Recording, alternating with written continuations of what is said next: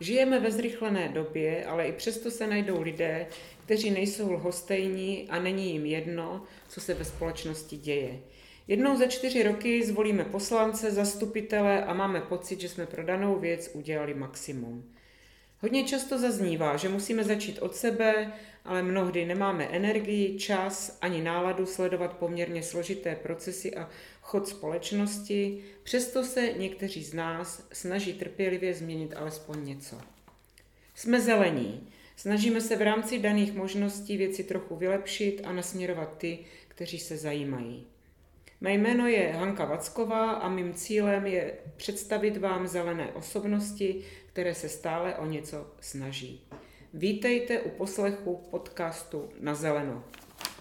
Dobrý den, ráda bych vám představila v dnešním podcastu, eh, který se jmenuje Na zeleno, eh, Marka Zelenku, moc hezké téma, Na zeleno Marek Zelenka. Eh, dovolím si pár osobních věcí. Marek, s Markem se známe dlouho, protože byl žákem naší školy, spolupracovali jsme v mnoha oblastech, a myslím si, že můžu považovat náš vztah za přátelství. Takže Marku, já se ti zeptám na první otázku. Jak by ses představil v pěti větách cizí o sobě?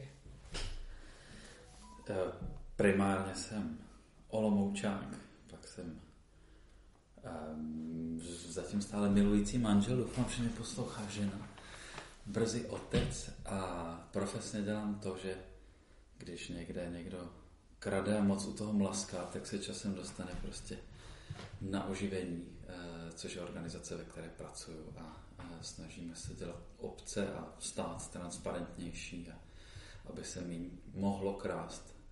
Eh, jsme si jistí, že toho nevymítíme, ale minimálně ty nejflagrantnější věci můžeme omezit. Takže to dělám na státní i obecní úrovni. No a já chci říct, že k oživení mám velké sympatie, protože jsem byla i na několika zajímavých seminářích a že skutečně to, že eh, jakoby kromě Transparency International vkládáte své úsilí do toho, že chcete eh, postihnout ty, kteří kradou a u toho mlaskají, takže je mi to velmi sympatické. No a vlastně jsme si možná odpověděli i na druhou otázku, do čeho momentálně vkládáš své úsilí?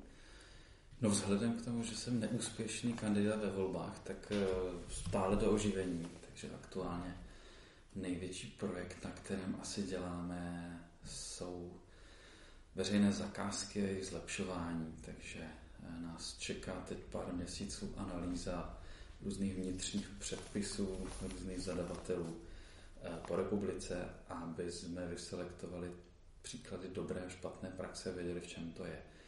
A vzhledem k tomu, že ve veřejných zakázkách se nejvíc krade, nejvíc k toho mlaská, jsou nejrizikovější obecně, eh, tak si myslím, že je to jedno z nejstěžejnějších témat.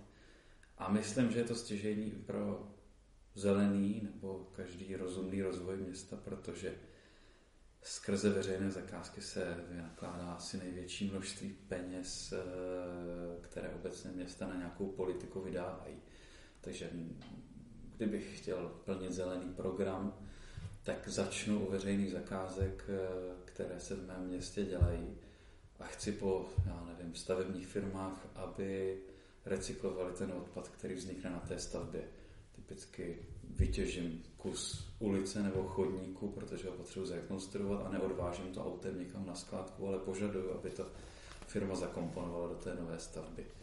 Eh, teď si představte všechny různé rekonstrukce budov, zateplování objektů, ale úplně i jednoduché věci, jako je seč trávy, se dá v podstatě ošetřit tak, aby byla ekologická, sociálně odpovědná a tak.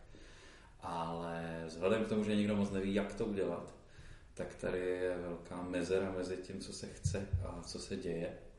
A já se ji snažím v tom následujícím minimálně roce zaplnit. No, jako tak klobouk dolů před tvou prací, protože to je, to je tak velký úsilí. Máš nějakou naději, že to třeba bude jednou lepší? To, uh, že musím říct, že že spousta už zadavatelů to dělá, ale a, a když je nějaká konference, tak se vlezou do jedné místnosti, takže ta, ta dobrá praxe se šíří zatím mezi těmi tou špičkou ledovce ale začíná to probublávat eh, těm, těm dalším a dalším. A co se týče další naděje, tak eh, oživení je velmi poptáváno v naše služby a rady, obzvlášť v tom povolebním období. Mm-hmm. Takže mám za sebou minulý týden, kdy jsme kroužili po republice za těmi, co nějak eh, udělali dobrý výsledek. A ta energie a to, to nadšení pro to ty věci měnit k lepšímu ve smyslu nejenom transparentnosti, ale právě ekologie, eh, je z mého pohledu jako velmi eh, nadějný do budoucna. Takže možná to je jenom ta bublina, ve které se aktuálně ocitám vždycky, ale mám velkou naději oproti té skepsi, která asi obecně vládne v České republice. Tak doufujeme, že tě, i těm magistrátním vládám v uvozovkách to vydrží co nejdéle, hmm. to nadšení a že to teda skutečně bude mít výsledky. Tak teď do nás. Když se řekne zelení, co si představíš? Já si představím nadějný projekt, který na osobních půdkách e, eh, stroskotal. Hmm. Ale teď to myslím jako, co se týče stranictví. Mm-hmm. E, to stranictví je teda jako disciplína sama, sama o sobě a e, já jsem rozhodně příklad toho, jak by to nemělo vypadat. Ale na druhé straně zelení jsou vlastně projekt, který, a já jsem to říkal těsně, než jsme to zapli, z mého pohledu uspěl v tom, že ty zelené témata se tak rozšířily do povědomí minimálně začínajících politiků, že v zásadě eh, vy ani nemusíte být ve vládách různých měst a parlamentů a lidi automaticky ten váš program plní, což vlastně mu máte tak nějak splněno. Kdybych byl, když bych byl strana práv eh, seniorů nebo důchodců, jak se jmenuje, důchodci za životní jistoty, ano, ano. a teď bych viděl, co činí některý z těch, si řeknu, tak super, tak já mám splněno, oni už to dělají za mě a já už se můžu věnovat něčemu jinému. Takže částečně jste určitě uspěli. Eh, teď nevím, jak moc velký je to přínos jako české strany zelených nebo nějakého celosvětového hnutí ale každopádně, když už i strany jako ODS eh, chtějí plnit zelený program, eh, tak se u toho směju, a, ale jsem rád na druhou stranu, že si uvědomí, že jednak potom je voličská poptávka a jednak je to nutné jako blázen. Mm-hmm. Děkuju.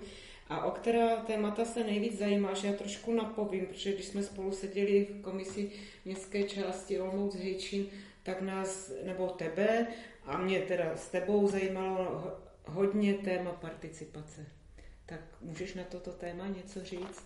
Um, no, mě obecně vadí to, ten narrativ nebo to nastavení v Česku uh, my a oni. To znamená, um, my, já nevím, voliči a ta komise městské části je vlastně dobrý příklad toho, že i v ní členové komise městské části mají skepsy k tomu, že něco dokážou změnit, hmm. protože oni, magistrát a, a radní, jsou taková černá skřínka, do které nikdo moc nevidí zvenku. A jediné, co slyší, je, to nejde, nebo na to nejsou peníze, nebo přišli jste pozdě. A, a tohle mě strašně vadí, protože to tak není. A často stačí jenom najít toho správného člověka, ten správný mechanismus, nebo ty správné informace a ono to jde. Eh, ale potřebuje člověk takovou jako vyšší vůli to dělat. A teď na druhou stranu, když někde vidím, že taková vůle je, a to v těch minimálně komise městské části Hejčín byla toho příkladem, že ta vůle byla a nasazení, eh, tak si myslím, že je obrovská škoda, když to představitelé města nevyužívají a nechají tu, tu chuť po participaci. A tu energii. Tato energie vyhnít. vyhnít. Je jednoduchý nástroj, jak to nenechat vyhnít, je dávat zpětnou vazbu těm orgánům, které si sama rada vytváří. Takže Ale stále. Stále dokola. Že vedle odborných komisí na jednotlivá témata od životního prostředí přes architekturu a podobně, až právě po ty komise městských částí, tak jsou často oslyšeny a nemají vůbec žádnou zpětnou vazbu, když když chtějí něco měnit, chtějí hrozně radit teda a jsou tam těmi styčními důstojníky mezi veřejností a tou radou. a rada jim nedá žádný feedback, eh, zpětnou vazbu na to, co s jejich podnětem se stalo, nebo proč se něco nestalo. A to potom v té participaci jsou zásadní vidle hmm. a lidi začínají být skeptičtí, že nic nejde, zase je to to my a oni. Ale je to o nastavení těch radních. Já si myslím, že částečný problém je v tom, že mají strach z toho, že by eh, díky participaci se chtělo něco, co nemůžou třeba naplnit a myslí si, že potom ty lidi zklamou. A já si myslím, že když těm lidem se vysvětlí, proč něco nejde, nebo je to nerealistický, eh, nebo to má vysoká rizika, eh, tak, že to pochopí. Ale ten stávající stav té dlouhodobé my si to budeme dělat po svém a, a vy si tady teda jako schuzujte, eh, tak ten je neudržitelný. Mm. A mám velkou naději, že tahle rada by to snad mohla trošku zlepšit a posunout správným směrem. No nechci to zakřiknout, aby jsme je zase nenechali usnout na vavřněch. Mám taky naději, že by to tak mohlo být. A já ještě v rámci té participace zmíním jednu hrozně důležitou věc, která mi byla velmi sympatická něco jako školní městské části. Dokázal bys o tom něco říct? To je strašně sympatická věc. Eh, není to z mé hlavy, to z, eh, slyšel jsem to poprvé ve Zlíně, když jsem začínal v komisi městské části, tak jsem si zajel do Zlína, abych zjistil, jak to funguje u nich. Eh, paradoxně oni se inspirovali předtím Olomoucí. A, a tam jsem zjistil, že některé městské části, které na to mají náladu a, chtějí to dělat, tak si můžou zřídit dvě pozice. Jedna je jakýsi placený šéf té městské části a druhá je něco, čemu oni říkají cestář. A mě to hrozně splývá s těmi cestama, tak to nazývám jako školník. No a je to v zásadě, já si představuji, vizualizuju takového e, čerstvého důchodce, který je zručný a aktivní a který by si rád přivydělal nějakou kačku tak si ho městská část najme za peníze města, za ten skromný rozpočet, který městská část má a bude ho úkolovat věcmi, které potom můžou být daleko rychlejší a efektivnější. Takže tu se opraví dlaždička v chodníku, tu se natře e, zábradlí a tady se opraví koš. E, časem jako ve Zlíně může dostat i, já nevím, od motorové pily přes křovinořez cokoliv a ve výsledku to může velmi dramaticky snížit náklady na ty uh, věci, co dělají zásadně technické služby. Technické služby. Hmm. Takže když si představím, že by z rozpočtu města lež technických služeb byl placen někdo, kdo je v místě kontrolován samotnými sousedy, který by byl pod permanentním tlakem uh, jakoby svých sousedů, a který by mu zároveň rádi potom pomohli tak si myslím, že by to byl nejefektivnější nástroj, jak eh, zapojit lidi participativně do fungování městské části a jak eh, nečekat na to, než se opraví květináč nebo na třeba zábradlí třeba rok, jak jsme na to zvyklí teď. Nebo zamaluje to... obrázek na stěně. Tak, že teď to funguje tak, že komise městské části se napřed na něčem usnese, to je teda jako správný a dlouhý proces často, a pak se pošle požadavek do té černé skřínky zvané magistrát a čeká se, co z toho vypadne. A takhle by to mohlo být hned po usnesení městské části na tom eh, školníkovi, který by to dostal za úkol a, a bylo by to. Zároveň my jsme tam jednoho takového člověka měli a ještě pořád máme, který dokázal než se technické služby zpamatovaly, eh, uřezat větev, která bránila nějaké dopravní značce, dokázal velmi rychle všechno udělat, takže Tomáši, zdravíme tě, jsi prototyp člověka, který by mohl být tady tím školníkem v uvozovkách.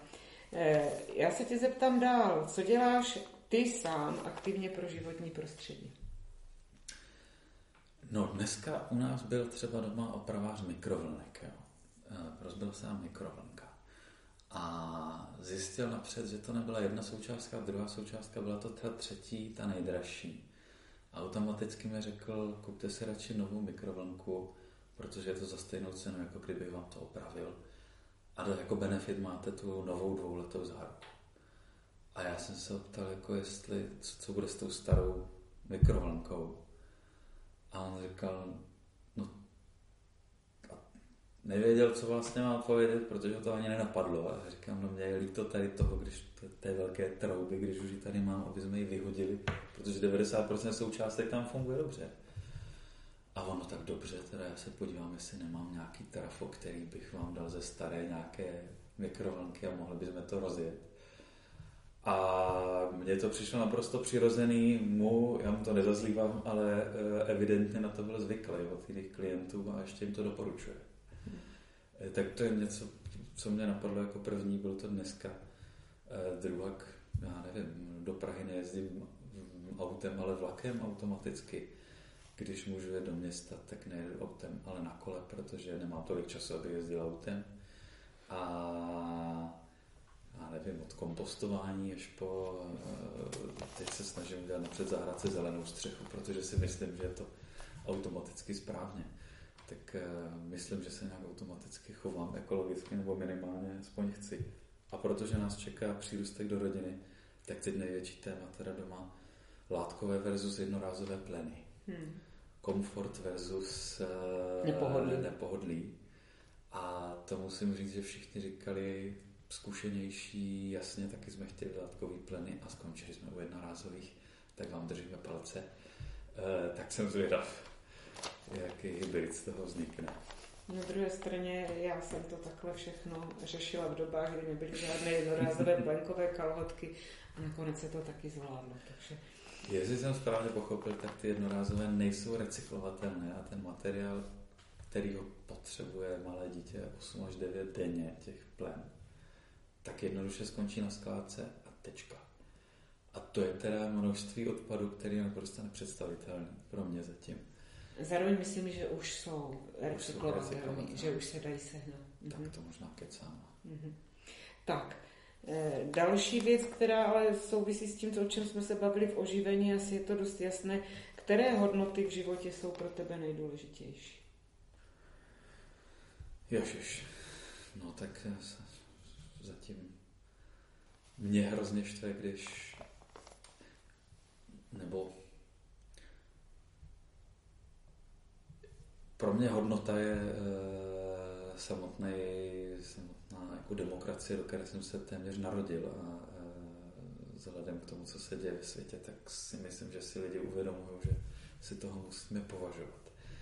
A když se člověk zamyslí nad tím, vždycky, když někde je nějaký nefunkční stát. Mluví se o tom v rádiu od, od Ruska aktuálně přes africký státy po Venezuelu, já nevím, tak eh, řeknou, tam je špatná vláda a korupce. Hmm. Korupce tam je vždycky.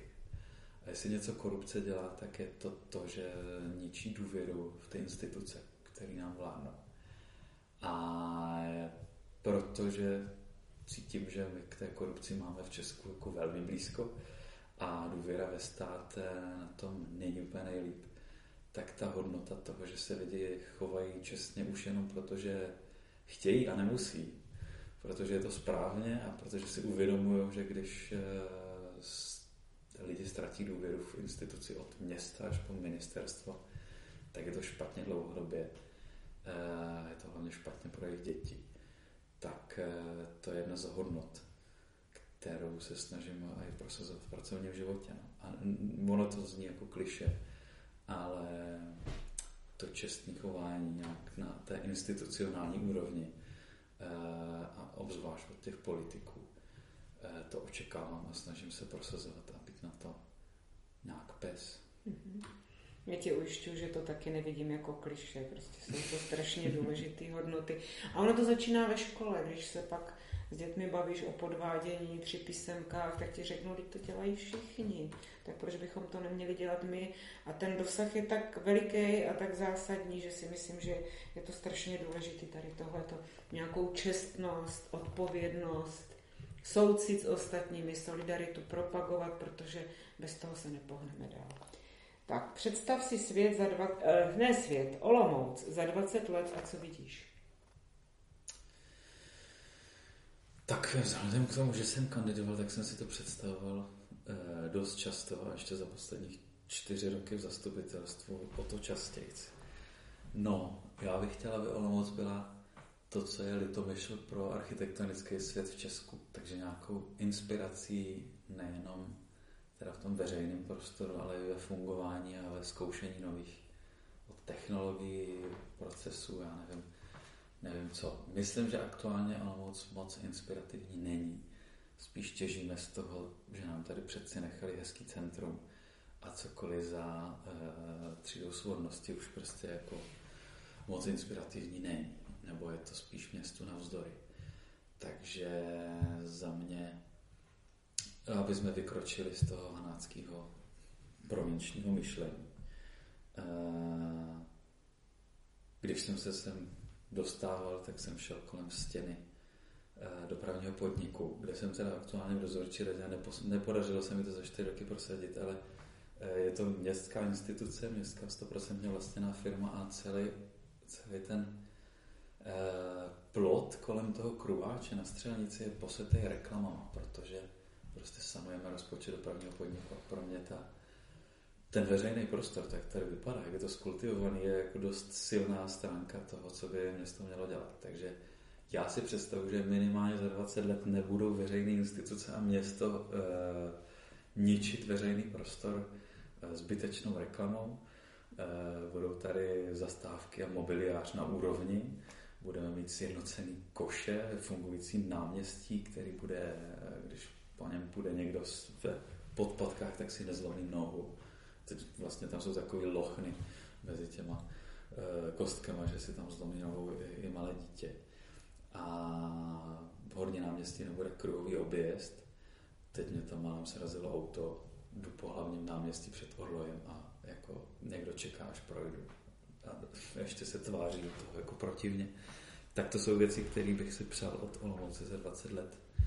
A vedle toho je jako silná vize je nějaký skulturnění těch břehů, co tady máme, protože máme tady tři vodní toky to je luxus, to si co nemají ostatní města. Je to spousta, spousta zeleně, které jsou většinou teď za plotem, nedají se využít. A jestli na každém místě tady chceme mít parčík, tak tady máme parčík, který jako eh, je na dosah ruky. Stačí posekat a zpřístupně to dělat zábradlí a budeme tady mít úplnou, úplnou parádu. Děkuji moc. Eh, poslední otázka je, co tě v poslední době rozesmálo. Já, protože většinou tuhle otázku kladu a jsem asi kladu otázku, co mě jako rozesmálo a moc často to nevím, tak já dneska si musím tady vzít slovo, protože mě rozesmála jedna úžasná věc. Ve čtvrtek tady byl kandidát na prezidenta, na prezidenta Petr Pavel a byl v domě u parku, scházelo se tam poměrně hodně lidí a tam, jak je taková ta malá kavárna, jsou tam stolečky, kde lidi ještě můžou sedět, tak tam ještě někdo seděl, nějaký manželský pár eh, ve středním věku na kafy a ta paní říkala, prosím tě, co se tady dneska děje, takových lidí. A on říkal, nevím, dávají něco zadarmo. Takže jenom toto bych hrozně ráda sdělila, protože to je jedna z anekdot, které mě teď provázejí. Tak co tebe rozesmálo v poslední době? Mě z okolností dneska eh, mě někdo inspiroval na, na Facebooku, eh, že aktuálně máme uzávěrku přejezdu u Anči a způsobuje to jako brutální teda dopravní kolapsy. A někdo tam napsal, Teď přece na, magistrátu jsou úředníci k tomu dedikovaní, aby koordinovali ty stavby. A já jsem teda fakt nevěděl, o kom mluví, protože za čtyři roky jsem takového člověka nepoznal a naopak si myslím, že uh, my jsme to měli v programu nakonec. A snažil jsem se mu vysvětlit, že to, uh, ten popis těch úředníků, co našel na webu města, uh, neodpovídá realitě že se mílí. A tam bylo napsané, že koordinují práce na úseku povolování dopravních staveb. A on si z toho dovodil, že tam jsou tři lidi, kteří mají koordinovat teda dopravní stavby. A já jsem se mu snažil vysvětlit, že to je přenesená působnost města a že, e, že to není ono, že to nemají v popisu práce. A on mi na to odpověděl, že že to není podle něj o nějakém přenášení působnosti. Je to prostě o tom, že za to někdo jako je eh, placený a nedělá to. A já jsem se začal smát, protože eh, ten rozdíl mezi samostatnou a přenesenou působností je úplně zásadní pro pochopení jako fungování města. A bohužel to fungování města je od obecného povědomí tak vzdálené, je to tak komplikovaný. Bohužel, bohužel, to je chyba nás právníků, asi. E, že jsem pochopil, že to nemá cenu se s ním e, nějak dohadovat. Má pravdu v tom, co chce, e, jenom mířil úplně špatným směrem a díky spletení těch pojmů myslel, že přenesená působnost je o přenášení. No to myslel teda trošku jinak. To byl takový jako Cimrmanovský vtip pro chemiky, eh, tak vtip pro právníky. Jo. Tak asi se moc lidí teď nezasmálo, ale mě to pobavilo velmi. Tak v dnešním podcastu na Zeleno jsme mluvili s Markem Zelenkou, se kterým jsem byla na společné kandidátní listině do komunálních voleb v koalici Stan a Zelení.